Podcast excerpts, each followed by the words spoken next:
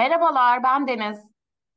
Merhabalar ben de Olcay. True Crime Meçhule Giden Gemi podcast serimizin 106. bölümüne hoş geldiniz. Yine sizin çok överek e, anlattığınız ve çok istediğiniz bir bölüm yapıyoruz. E, çok yakın bir geçmişten. Evet bu olay için e, epey ısrar ettiniz. Hatta aynı anda yazan insanlar oldu. Biliyorsunuz biz ısrara karşı şey oluyoruz. Ay tamam neyse ne ya deyip araştırmaya başlıyoruz direkt. O yüzden şey e, güncel bir olay, çok çok güncel bir olay. E, korkunç bir olay. Ama başlamadan önce şeyi de Evet. söylemek istiyorum. Güncel olaylarla ilgili sevdiğim şey, birazdan zaten detaylı söyleyeceğiz ama çeşitli e, teknolojik imkanlarla her şeyi takip edebiliyoruz ya olay sırasında da. O çok iyi değil mi? Ya evet o hem çok güzel ama bir yandan da şey de oluyor yani daha çok fazla bilgi açığa çıkmamış oluyor. E, dolayısıyla teoriler çok fazla artıyor. E, yani çok iki taraflı da değişik oluyor incelemesi. Ee, evet oylar verildi mi sevgili dinleyiciler? Verilmediyse Favori. artık çok geç. Oylama sona erdi. Olcay İstanbul'a geliyor. Cumartesi ödül alsak da almasak da ödül törenine gitmeye karar verdik. Ee, cumartesi bir fotoğraf paylaşırız artık. Artık yaparız bir güzellik. Ee, onu yapacağız. Onun dışında başka ne var ne yok Denizciğim hayatında? Hayat iyi ya normal. Yoğun biraz. İstanbul soğuk ama yolunda. Sen nasılsın? Doğum günün yaklaşıyor. Ya, evet çok heyecanlıyım çünkü doğum günümü çok seviyorum. Ben şeyi pek algılayamıyorum ya. İnsanların ben doğum günümü sevmem falan tribini hiç anlamıyorum. Herkes doğum günü sevmeli arkadaşlar yani. Zamanı büküp doğmuşsun ya. Nasıl sevmiyorsun yani? Benim Ya için çok bence de. kıymetli. Ben kendi doğum günüme mitolojik açıdan falan yaklaşıyorum. Böyle mesela geçenlerde ofiste çok tatlı bir kızla aynı gün doğduğumuzu fark ettim. Ben böyle "Aa!" falan böyle garip garip tepkiler veriyorum falan. Korkutmuş da olabilirim dinliyorsa. Ee, podcast'imde de senden bahsediyorum ama biraz rahatsız edici inşallah dinlemiyordur. Kızı takip ediyorsun değil mi? Yani aslında Ama taktın, taktın ama kıza. katılıyorum. Bence de doğum günü tatlı bir şeydir. Ya niye sevmiyorsunuz doğum gününüzü? Evet doğum günü sevmemek nedir ya? Hayret bir şey. Herkes kutlayacak. Bundan sonra başkan olduğumda herkes doğum günü kutlayacak. Yasa çıkarıyorum. Ee, ben dün e, aşı oldum. Ne aşısı Evet. kanka? Covid aşısı. Ha çok pardon tabii tabii doğru. Yani e, bunu da açıklamak isterim herkese. Çünkü hastaneye gittim ve kimse yoktu. Son aşı bükücü olarak bir tek ben ve sevgili dostum Esra oradaydık. Neden ya? Niye aşı olmuyorsunuz arkadaşlar? Bir şey söyleyeceğim. Ben de unuttum. Yani sanırım bir sene önce mi olduk? Bir ara olduk. Sonra ben aklıma bile gelmedi. Çıktı aklıma. Hala olunuyor. Oluyoruz o zaman. Tamam. Oluyoruz ya. Gidip olun ya. Bu nedir arkadaş? Yani aşıdır ya. bu. Haklısın. Aşının son neferi konuştu. Hadi o zaman başlayalım. Idaho'ya gidiyoruz efendim. 2022 yılının Kasım ayı çok e, yakın bir geçmiş. Hadi anlatalım. Evet, çoğunuzun da bildiği gibi True Crime takip eden, gündemi takip eden insanların bildiği gibi Idaho'da Kasım ayında korkunç bir olay gerçekleşti. Idaho, Amerika'nın kuz- kuzeybatısında bulunan ve tüm ülke içerisinde güvenli sayılabilecek bir eyalet aslında. 13 Kasım 2002 2022 günü erken saatlerde Idaho Moskova'daki kampüse yakın evlerinde kalan dört ev arkadaşı feci şekilde bıçaklanarak can verdi. Üç katlı ve altı yatak odalı bir kiralık evde kalan kişilerin isimleri Madison Morgan, Tylee Goncalves, Sana Kernodle. Bu üç kadın kurbana bir de Zana'nın erkek arkadaşı Ethan Chapin eşlik ediyordu. Evde yaşayan iki kadın da o akşam evdeydi. İki kadın daha var. Ancak onlar saldırıya uğramadan hayatlarına e, devam ediyorlar neyse ki. Ee, nasıl bir gün? Üniversite öğrencilerin yoğun olduğu bir yerdeki bir cumartesi gecesi düşünün. Herkes dışarıda, her yerde partiler var. Herkes e, içiyor, ediyor, gayet eğleniyorlar. Bu e, bahsettiğim evin iki sakini Dylan ve Bethany de partilerdeki insanlardan birileri. Dört kurbandan ikisi çift olanlar Ethan ve Zana 12 Kasım akşamı saat 8'den 9'a kadar evin yakınlarındaki Sigma Chi Kardeşlik Derneği'ndeki başka bir partide. Diğer iki kurban, iki tane mekan söyledim şimdiye kadar. Ee, diğerleri de yakın arkadaşlar Morgan ve Goncalves o akşam saat 10'da şehir merkezinde spor konseptli bir bar olan The Corner Club'a gitmişler ve sabaha karşı 1.30'da oradan ayrıldıklarını biliyoruz. Evde o sırada kimse yok, herkes dışarıda. Eve ilk dönenler Dylan ve Bethany eve döndükten sonra hemen yatmışlar.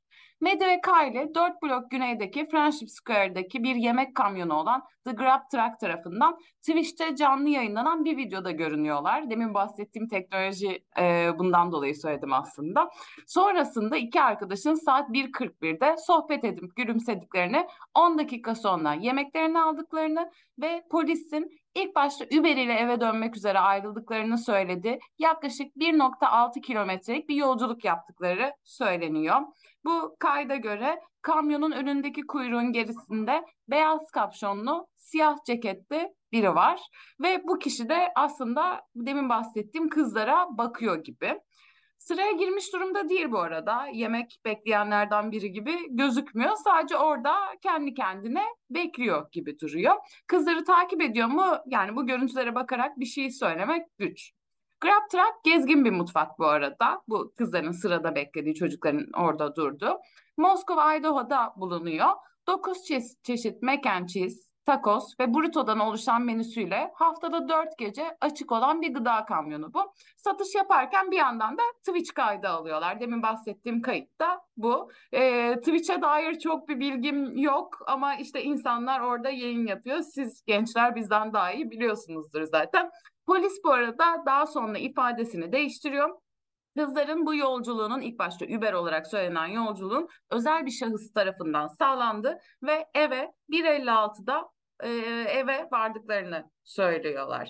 Yani demin bahsettiğim iki arkadaş da bu iki arkadaş da saat sabaha karşı 1.56'da evde Goncalves'in telefonundan uzun süredir birlikte olduğu eski erkek arkadaşını saat 2.26'dan 2.50'ye kadar 7 kez aradığını biliyoruz. Ancak bu telefonlara çıkan olmamış.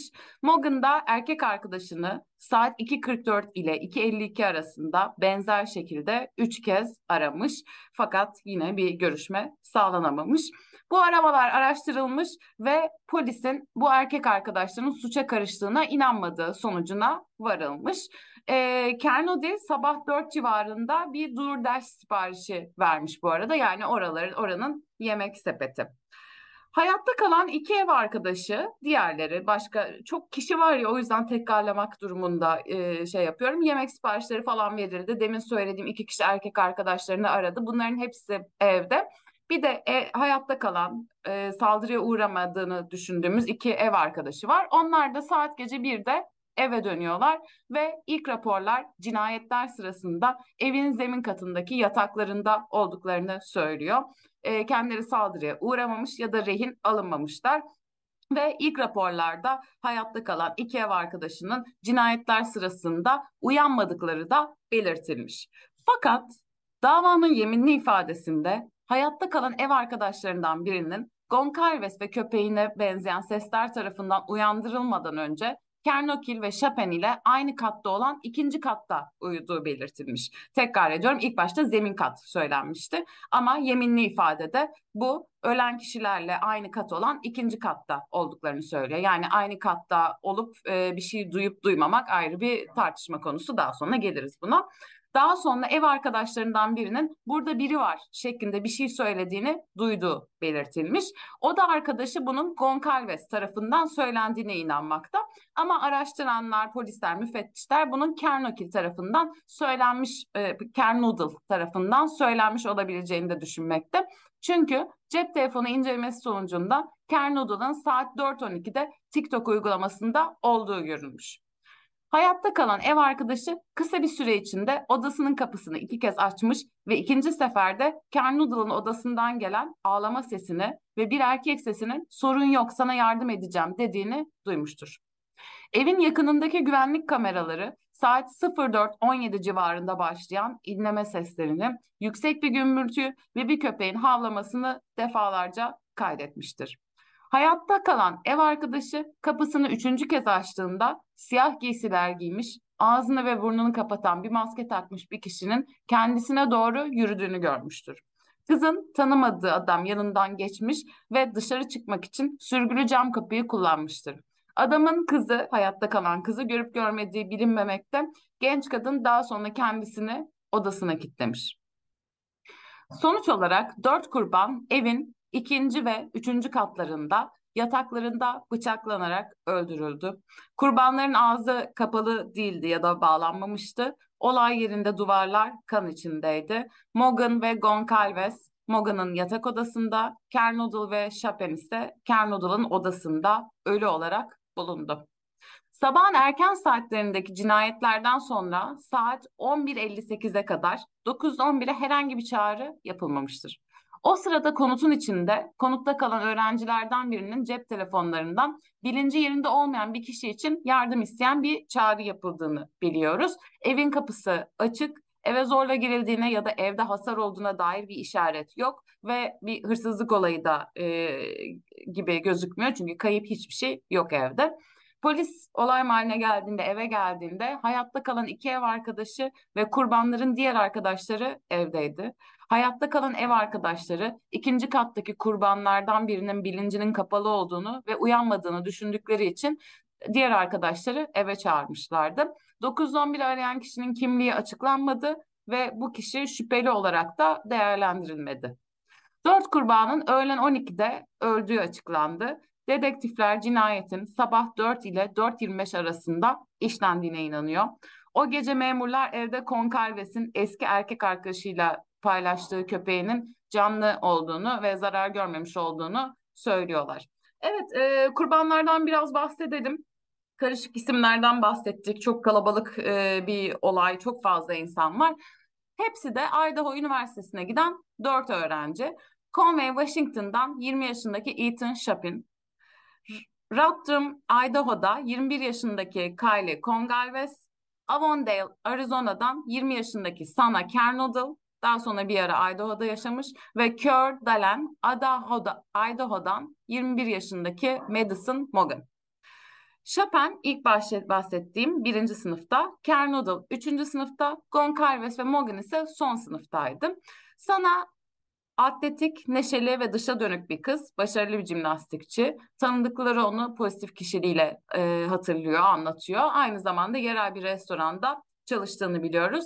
Ethan Seattle doğumlu, üç tane e, üç kardeşler toplamda. Pandemi hayatlarını epey bir durdurduğunda kardeşleriyle birlikte Seattle'dan Idaho'ya geçiyorlar ve yaz boyunca bir resortta çalışmaya başlıyor. Daha sonraki yazı e, tekrar Idaho'dan geçiriyor. Bu da aslında kardeşlerin Idaho Üniversitesi'ni tercih etmelerine bir etmen. Ethan spora çok düşkün. Sana ile tanıştıktan sonra kampüsün biraz uzağındaki eve, eve taşınıyorlar. İyi bir mahallede bu arada ev. Nüfus 25 bin kişi Moskov'un bahsettiğimiz evin olduğu yerin. Üniversite açıldığında ise nüfus ikiye katlanıyor. Ama yine de küçük bir yer. Herkesin birbirini tanıdığı ve tekrar ediyorum güvenli bir yer olduğu söylenebilir. Sana kaldıkları evin kiracısı olmaya geldiğinde ikinci kattaki odayı tutuyor. Arka kapıya ve ortak kullanım alanlarındaki en yakın oda burası. O, ortak kullanım alanlarına yakın olan bir yer burası. Ev yamaçta olduğundan bir kod farkı var. Birinci kat bir kat aşağısı aslında. İlk kat ön kapı ve park alanına açılıyor. Burada iki yatak odası var. Bir de yukarı kata çıkan bir merdiven var. İkinci katta daha çok yatak odası var. Bunun dışında e, mutfak, salon ve arka bahçeye açılan arka kapı var ortak alanlara demin bahsettiğim. Üçüncü katta ise iki yatak odası daha bir de bir balkon var. Bu evi aslında sana Morgan'dan öğreniyor. Aynı bölümde okuyup aynı restoranda çalıştıkları için arkadaşlar. Morgan Sena'dan bir yaş büyük. Oregon'da doğmuş ama ailesi aslen Idaho'lu.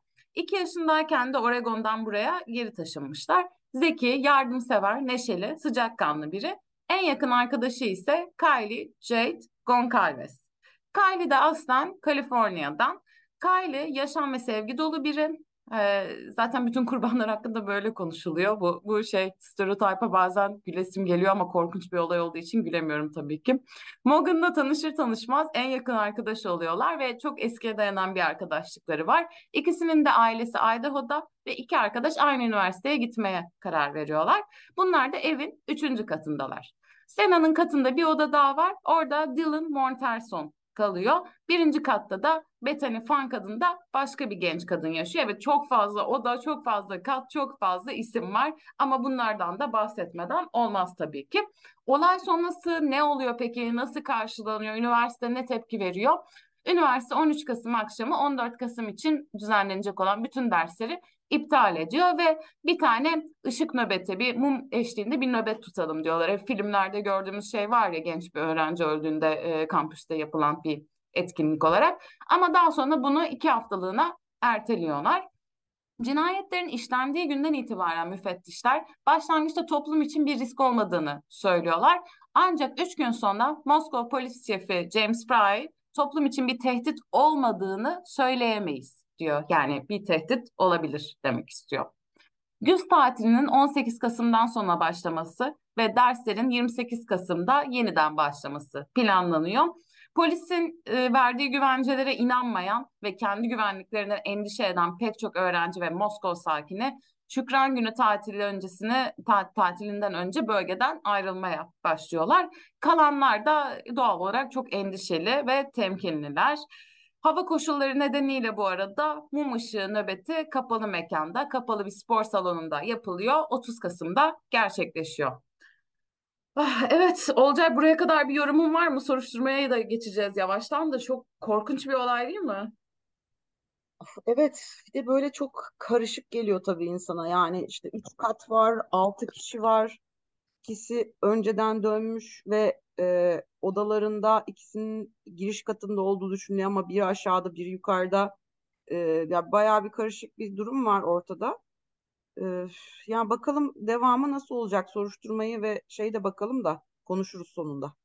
Evet, bu bıçaklanmalara, bu cinayetlere ilişkin soruşturma Moskova Polis Departmanı tarafından yürütülüyor ve Idaho Eyalet Polisi ile Leta Country Sheriff Office tarafından destekleniyor. Toplamda 3 tane kurum ve 130 emniyet mensubu bu dava üzerinde çalışmaya başlıyorlar. 17 Kasım'da ölen 4 kurban üzerinde otopsi yapılıyor.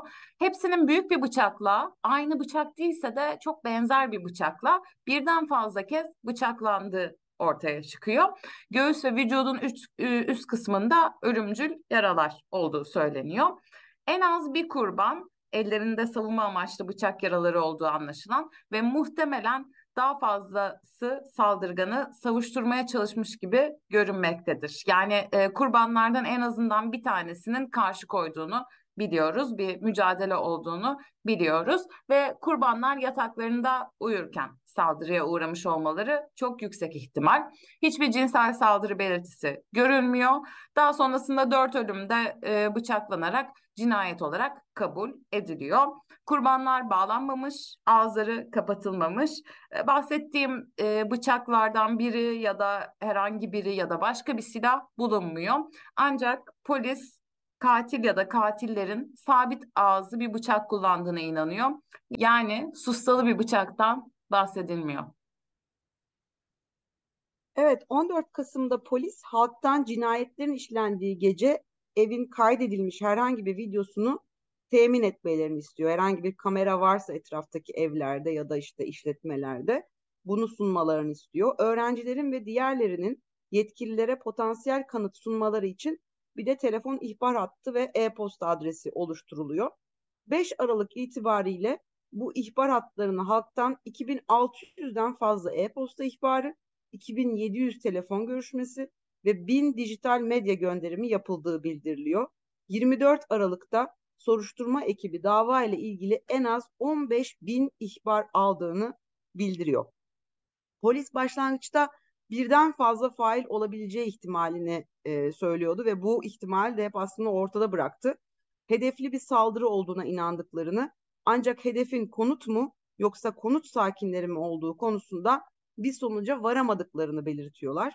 23 Kasım'da düzenlenen bir basın toplantısında Moskova polis şefi yetkililerin Goncalves'in bir takipçisi olduğu iddiası da dahil olmak üzere bir dizi ihbar aldığını ancak o sırada bu iddiayı doğrulayamadıklarını veya böyle bir kişiyi tespit edemediklerini söylüyor. Halktan dediğim gibi az önce yüzlerce ihbar alan polis 15 Aralık'ta 2010 ila 2015 yılları arasında üretilen yaklaşık 22 bin adet 5. nesil Hyundai Elantra'nın kayıtlarını araştırdıklarını açıklıyor. Cinayetlerin işlendiği bölgedeki bir kamera cinayetlerin işlendiği saatlerde bir Hyundai Elantra'nın görüntüsünü yakalamış çünkü.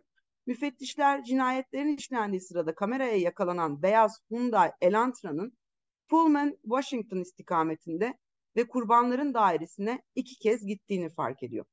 Gözetim videosu ayrıca Elantra'nın kurbanların evinin önünden saat 03.29 civarından başlayarak üç kez geçtiğini de gösteriyor. Saat 4.04'te Elantra dördüncü kez eve dönüyor. Saat 4.20'de araç kurbanların mahallesinden yüksek bir hızla ayrılırken görülüyor. Müfettişler aracın sahibinin bölge sakini olduğunu buluyorlar. Brian isminde bir insan ve aracı babasıyla birlikte tatil için Pensilvanya'daki Pocono dağlarına götürdüğünü tespit ediyorlar. Indiana Eyalet Polisi tarafından Greenfield, Indiana dışında Interstate 70'te yaklaşık 8 kilometre yarıçapında iki kez hız ve hatalı sollama nedeniyle kenara çekiliyor Brian'ın kullandığı araç. FBI, Indiana Eyalet Polisi'ni durdurmaları için yönlendirdikleri iddialarını reddediyor.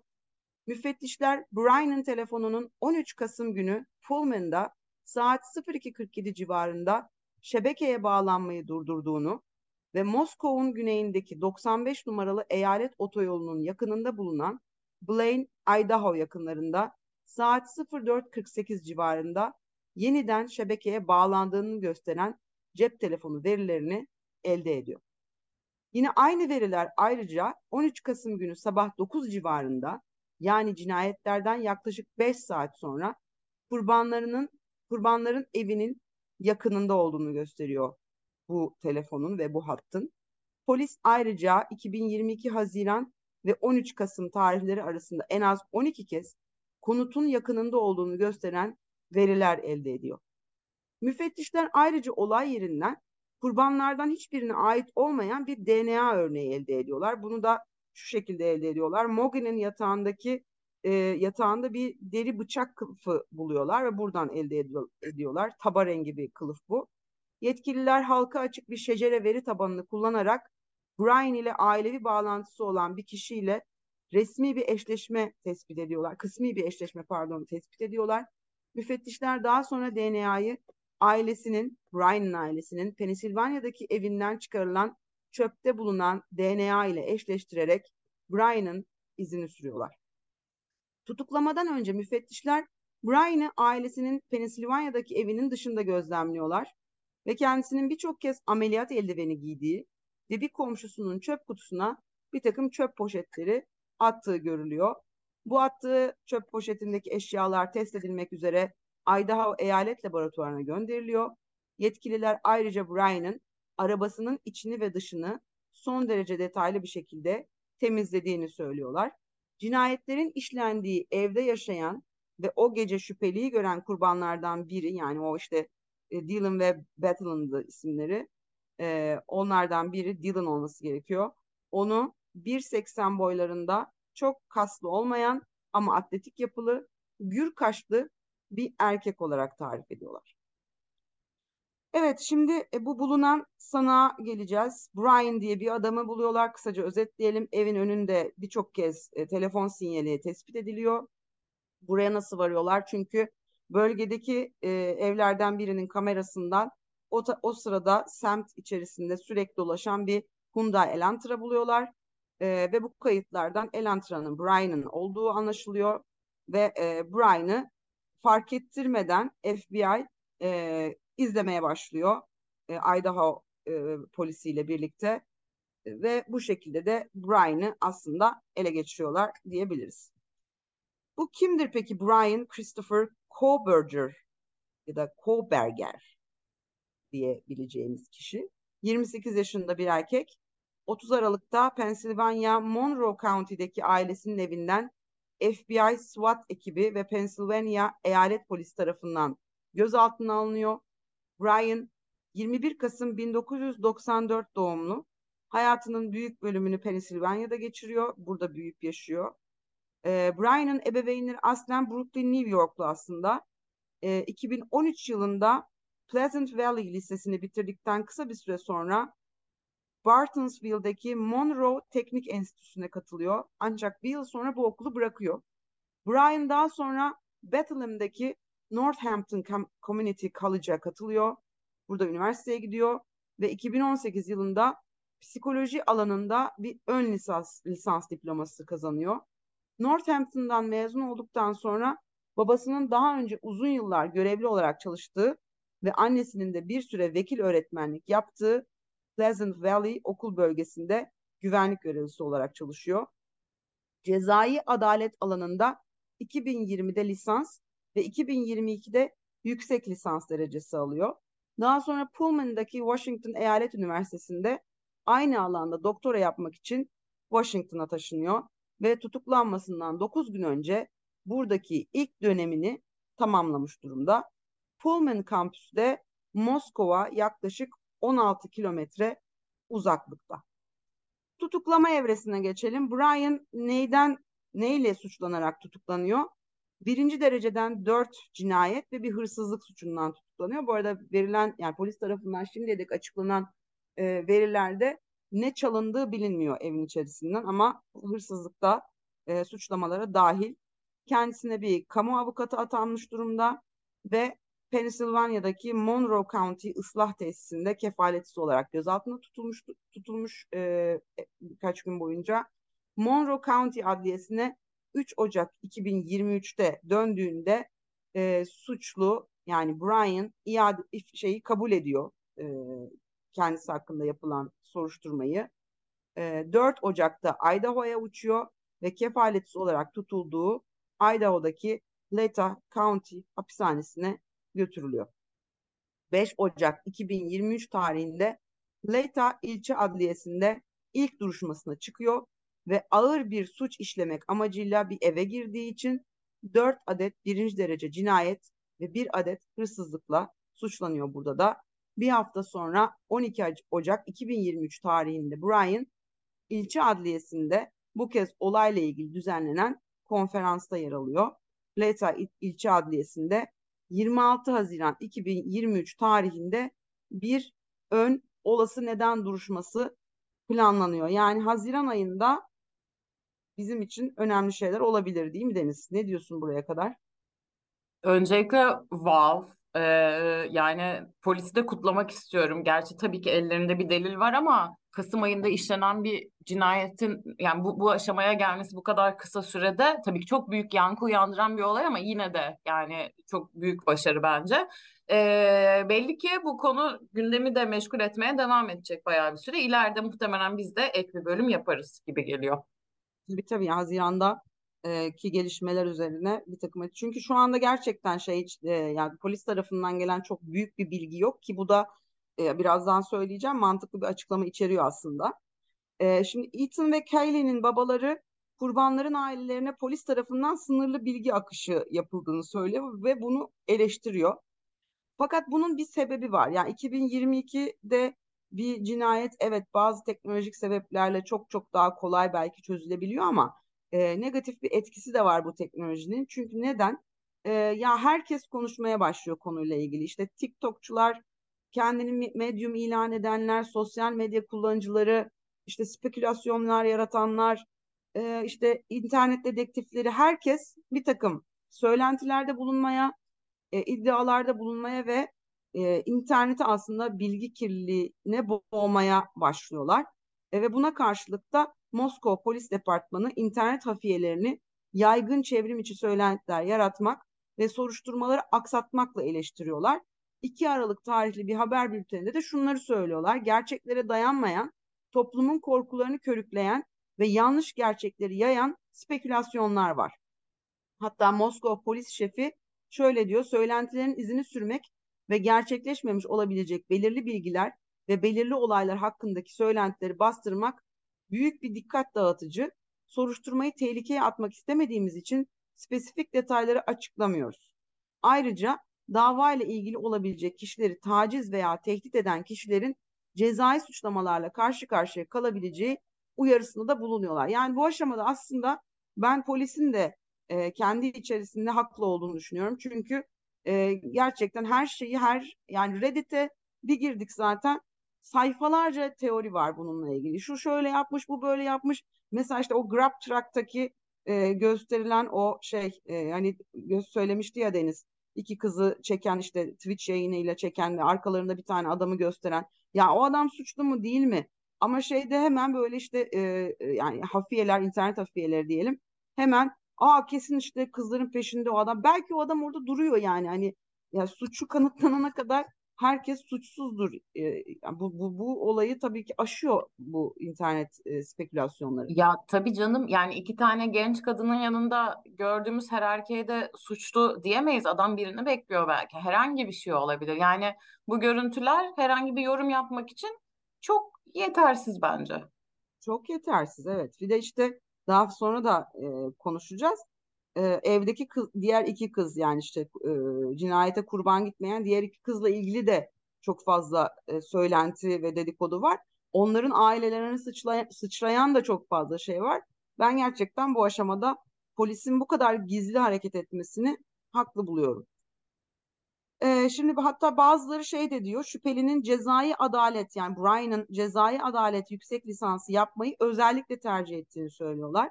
Bununla ilgili de biraz bilgi verelim kriminoloji suç çalışmalarına makro düzlemde eğilen sosyolojik bir yaklaşımdır ve suçun altında yatan nedenlerin yanı sıra sosyal eğilimleri de vurgular. Farklı suç türlerine aşina olmayı içerir. Ancak bu bireysel suçları veya soruşturmalarını incelemek anlamında değildir. Yani daha makro çerçevede bakar kriminoloji olaylara. Bunun yerine daha çok suç teorilerine ve büyük çalışmalardan, tarihsel modellerden elde edilen ampirik verilere odaklanır ve eğer şüpheli şahıs doktora programının sadece ilk dönemindeyse bu alanda muhtemelen sadece yüksek lisans düzeyinde bir teoriye giriş ya da istatistik ve istatistik dersi alıyordur. Cezai adalet diploması böyle bir suç işlemek için gereken bilgi türüne kriminolojiden evet çok daha uygundur ama e, yani daha da iyi bir bilgiye sahip olmak istiyor duysa eğer bu Brian denen şahıs aslında okuması gereken alan e, cezai adalet değil hukuktu. Özellikle de e, rapor edildiği gibi gerçekten dijital adli tıp üzerine yoğunlaşılıyor, yoğunlaşıyorsa evet gerçekten de bu ona belki e, soruşturmanın devamında bir e, fayda sağlayabilir. Bir disiplin olarak cezai adalet kolluk kuvvetleri metodolojisinin yanı sıra suça bu sefer kriminolojinin aksine daha bireysel ve mikro bir yaklaşımı merkezine alır. E, ve e, yani hani şey ikisi de aslında kriminolojide cezai adalette e, birbiriyle örtüşen yerler olduğu gibi ayrı, ayrışan yerleri de var ve birbirlerini desteklerler. Ama dediğim gibi hani cezai adaletten ziyade hukuk okusaymış çok daha kolay paçayı yırtmayı belki de e, hedef alabilirmiş. Ama böyle bir şey var mı Brian'ın suçtan paçayı yırtmak gibi? Çünkü son derece savruk bir şekilde arabasıyla e, 4-5 kez evin önünden geçiyor yani 2022'de kameraların her yerimizde sokulduğunu biliyor olması gerekiyor. Ve e, bu aşamada da bir takım sorular ortaya çıkıyor tabii ki. Şu anda elimizdeki bilgiler bunlar ama biz şunu konuşabiliriz teori düzeyinde. Bu adam neden böyle bir suç işlemiştir? Yani e, tabii ki elimizde çok az şey var ama kriminoloji okuması senin dediğin gibi onunla bağlantılı bir şey olduğunu düşünmüyorum. Yani e, bence görülüp görülmediğini de önemsemiyorsa yani arabayla kendi arabasıyla direkt kendisinin belli olacağı şekilde yapıyorsa bir anda karar vermiştir gibi hissediyorum ben. Sanki işte gece sabah dört gibi olan bir olaydan bahsediyoruz. Bence öncesinde planlamadı. Bir anda bir şey oldu. Tanışıyorlar mıydı acaba? İşte mesele o zaten. Yani nasıl o evin içerisine girdi bu kadar kolay bir şekilde ve e, yani bu cinayetin 0404 ve 0420 arasında gerçekleştirildiği söyleniyor. Yani 14 10 işte 16 dakika kadar bir şey var. 4 kişiyi bıçaklayarak nasıl öldürdü? Yani tamam uykularında olabilir ama sonuçta bir boğuşma da var. Yani şey e, maktulün şeyde yani ellerinde de şey var. e, boğuşma yaraları var. Nasıl yapmış olabilir 16 dakika içerisinde?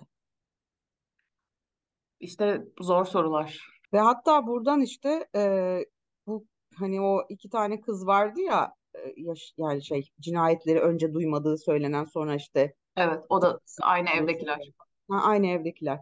Onlar da e, onlara artık şey bu söylentiler onları kapsamaya başlıyor ve acaba hani onların adamla bir işbirliği içerisinde olup olmadığı tartışılıyor bu işte spekülasyonlar içerisinde falan. Evet tamam bence de orada e, kızın o işte güya kapıyı açıp karşısında gören kızla alakalı bir durum var ortada. Ama bence orada polisin yine anlatmadığı bir takım bilgiler söz konusu. Yani bir cinayetin, ya dört tane cinayetin duyulmaması gibi bir şeyin imkanı yok bence. Ee, ama arkasındaki meseleyi tabii bilemiyorum yani ben de. Çok çok pardon. Bazen bazen böyle oluyor. Çok özür dilerim. Ee, çok pardon. Ya şöyle Ne yaptığını da anlat istersen dinleyicilere. Arkadaşlar kusura bakmayın. Yani bir yandan da işle ilgili bir, bir şey vardı da ona cevap vermem gerekti. Çok pardon gerçekten. Utanç içinde ve mahcup arkadaşlar. Görüyorum. Evet, Yazık. Telefonumu üstüne, fırlattım yani. Evet, üstüne gitmeyelim. Ama günler, günlerdir ben bu insana ulaşmaya çalışıyordum ya lütfen. Aa, tamam. Kimmiş ya? Şey olarak ulaşalım. Podcast olarak ulaşalım ona. Altan Örman. Oh. Okey kapat kapat kapat kapat. Yayını kapat. Ee, gerçekten şey ya bu aşamada da tabii ki biz çok önemli insanlar değiliz. Yani söyleyeceğimiz şeyin çok bir önemi yok ama True Crime'ın da bir etiği var. Bunu da zaten tartışırız bu bölüm Evet. başka bir bölüm fark etmez. O yüzden ben bu olayla ilgili çok yorum yapmak istemiyorum ya. Ortada yani suçlanan bir kişi var. Onunla ilgili zaten konuştuk ama o da arkadaş suçludur bilmem ne falan. Zaten çok fazla yıpranmışlar bu süreçten. Yani Evet. e, yapılan şeyler garip. Yani sadece interneti olduğu için iki True Crime belgeseli izleyip bununla ilgili olay yapamazsın. Milletin hayatını mahvedemezsin yani. O yüzden ben Ya, bir şey istemiyorum. Bir de bir noktadan sonra şeyi e, yitiriyoruz bence şu algıyı. Yani sonuçta insanlar ölüyor yani E, bu şey değil. Bizim eğlence aracımız olsun diye birileri hayatını kaybetmiyor. Yani bir takım insanlar ölüyor. O insanların aileleri var. O insanların aileleri e, yani bir yandan çocukları ya da işte sevdikleri için üzülürken bir yandan da buna kimin e, sebep olduğunu ve niçin sebep olduğunu anlamaya çalışıyorlar tabii ki. Siz e, bir takım işte kendi egonuzu aslında bu tamamen başka bir şey değil. Kendi egonuzu tatmin etmek için ortaya herkesin okuyabileceği yer bir yer bir işte bir mecraya diyelim fikir saçamazsınız yani. E, yani tabii ki saçarsınız da bence de bu etik bir şey değil. Sonuç olarak bir insan hayatı söz konusu. Tekrar tekrar aynı şeyi söylüyor. Onu unutuyoruz. Yani şeyin bağlamında bütün bu hikayelerin e, merkezinde insan hayatı olduğunu unuttuğumuz noktada aslında e, bunun e, etik olmayan cephesine geçiyormuşuz gibi geliyor bana. Evet evet bence de. Bir de şey güncel olaylarda özellikle böyle bir sıkıntı oluyor. Yoksa Is the Woman'ın annesiyle ilgili yorum yapsan ne fark eder? Kim Ha, olduğu tabii belli tabii değil evet yani. evet evet yani yüzlerce yıl önce orada zaten orada araştırdığın şey için işin hakikaten dedektiflik ve kriminal boyutu ama burada daha çok taze e, bir yara var ve onu böyle deşip deşip kanatmaya gerek yok. Bu hikaye böyleydi. Idaho e, Üniversitesi'nde yaşanan olay dört kişinin e, kaybıyla sonuçlanan bu korkunç vaka böyleydi arkadaşlar. E, dediğimiz gibi gelişmeler zamanla ortaya çıkacak. Haziran'ın sonunda zaten önemli bir olay var. E, biz çıktıkça sizinle paylaşacağız. Siz de ya yorumlarınızı az önce söylediğimiz ve dikkat etmemiz gerektiğini belirttiğimiz çerçeve içerisinde belirtirseniz seviniriz tabii ki. Evet, bu arada globalde de yurt dışında da özellikle Amerika'da da e, bu suç etiği konusu çok konuşuluyormuş. Özellikle Jeffrey Dahmer belgeselinden sonra e, yani e, kurbanların aileleri şey diyormuş. Ya gerek var mıydı gerçekten bunları resmetmeye falan? Ay bilmiyorum bu bayağı şey tartışılacak bir konu yani. Evet evet çok hani şey bir e, çok hassas bir alan. Bilmiyorum yani. E, ona bakarsan yani Ma- Madeleine McCann'i de mesela çok işliyoruz.